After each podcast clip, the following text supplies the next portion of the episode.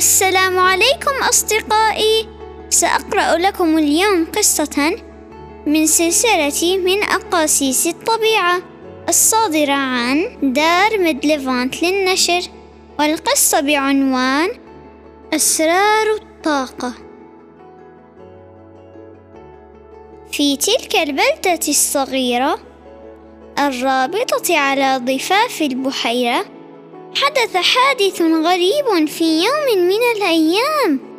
فقد كان أسامة الصغير يجلس غضبان قرب سياج داره. فبصر بفتى غريب يحلق طائرا في جو البلدة ويتجه نحوه. فلما حط الفتى الطائر بالقرب من أسامة ألقى عليه السلام. فرد عليه التحية بأحسن منها وهو يسائله من أنت أيها الفتى الجميل؟ قال يسمونني فتى الطاقة وقد أبصرتك من عال حزينا فأحببت أن أسري عنك فما شأنك؟ قال حطمت كرة ذلك الزجاج فلالني من أمي نصيبي من التأنيب. فتبسم ضاحكا من قوله وقال مسكين أنت يا أسامة فقد وبختك أمك على ذنب شاركتك أنا في اقترافه. بل أنا أشارك ذلك البناء الذي تراه ينقل الرمل بعربته. بل وذلك الحمار الذي يجر العربة الأخرى الكبيرة. وعجب أسامة من حديث الفتى الغريب وقال له أوضح لي بربك ما تعنيه. قال له صاحبه وهو يحاوره سأشرح لك الأمر ونحن نقوم بنزهة في هذا القارب. ألم أقل لك إنهم يسمونني فتى الطاقة؟ القدرة التي مكنت عضلات رجليك؟ من الجري وراء كرتك وركلها وأنا القوة التي جعلت كلا من البناء والحمار يحرك عربته. لذلك يدعونني أحيانا بالطاقة العضلية وهي أول ما عرف الإنسان من أشكالي. ولكن الإنسان قد عرف منذ القدم أن الطاقة العضلية محدودة واكتشف شكلا آخر من أشكال السحرية. هو طاقة الرياح. فاخترع الشراع لتسيير الزوارق الشراعية ووفر على نفسه استعمال عضلاته في التجديف. انظر إلى تلك الطاحونة إن دواليبها تتحرك بقوة الرياح أيضا. وتلك الطائرات الشراعية تطير في الجو بقوة التيارات الهوائية فقط. قال أسامة إنك لمدهش حقا. ولكن هل طاقة المياه من مظاهرك أيضا؟ قال نعم ففي الماء طاقة هائلة. تعلم الإنسان أن يحولها إلى أروع أشكال السحرية وهو الكهرباء.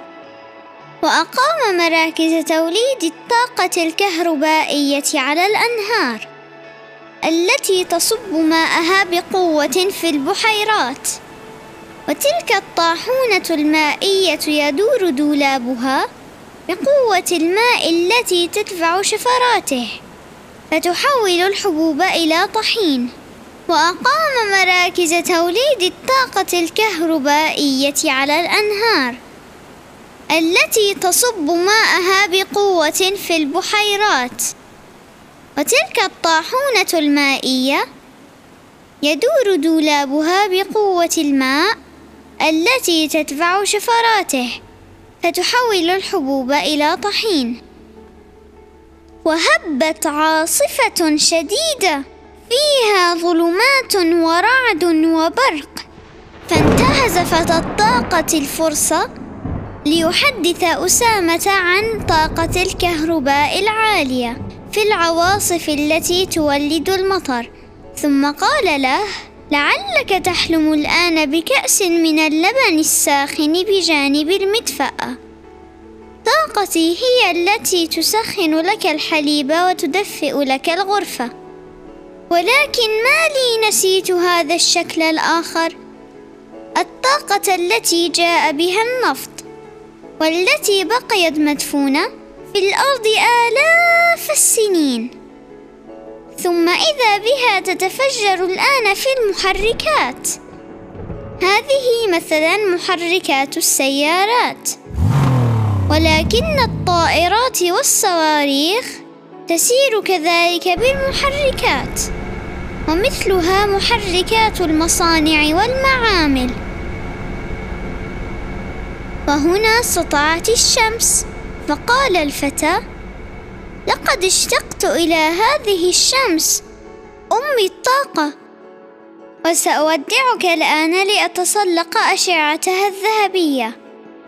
فاستفيد منها فهي منبع الطاقة الذي لا يكاد ينضب. وحاول اصطياد طاقتها بأجهزة مناسبة فهي أرخص أشكالي وأفضلها.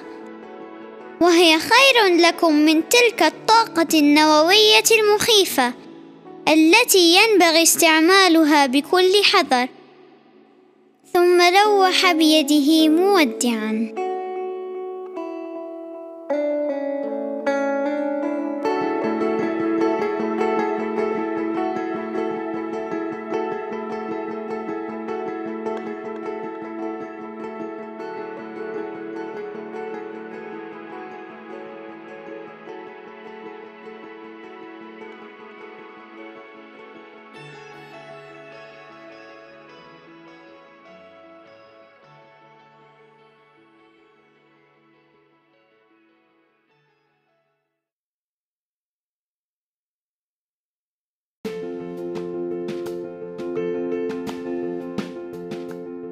أتشرف بتعليقاتكم وتقييمكم للبودكاست على آبل بودكاست أو منصتكم المفضلة للاستماع.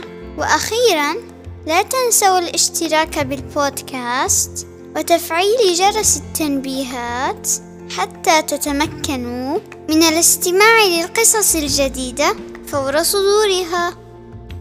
إلى اللقاء.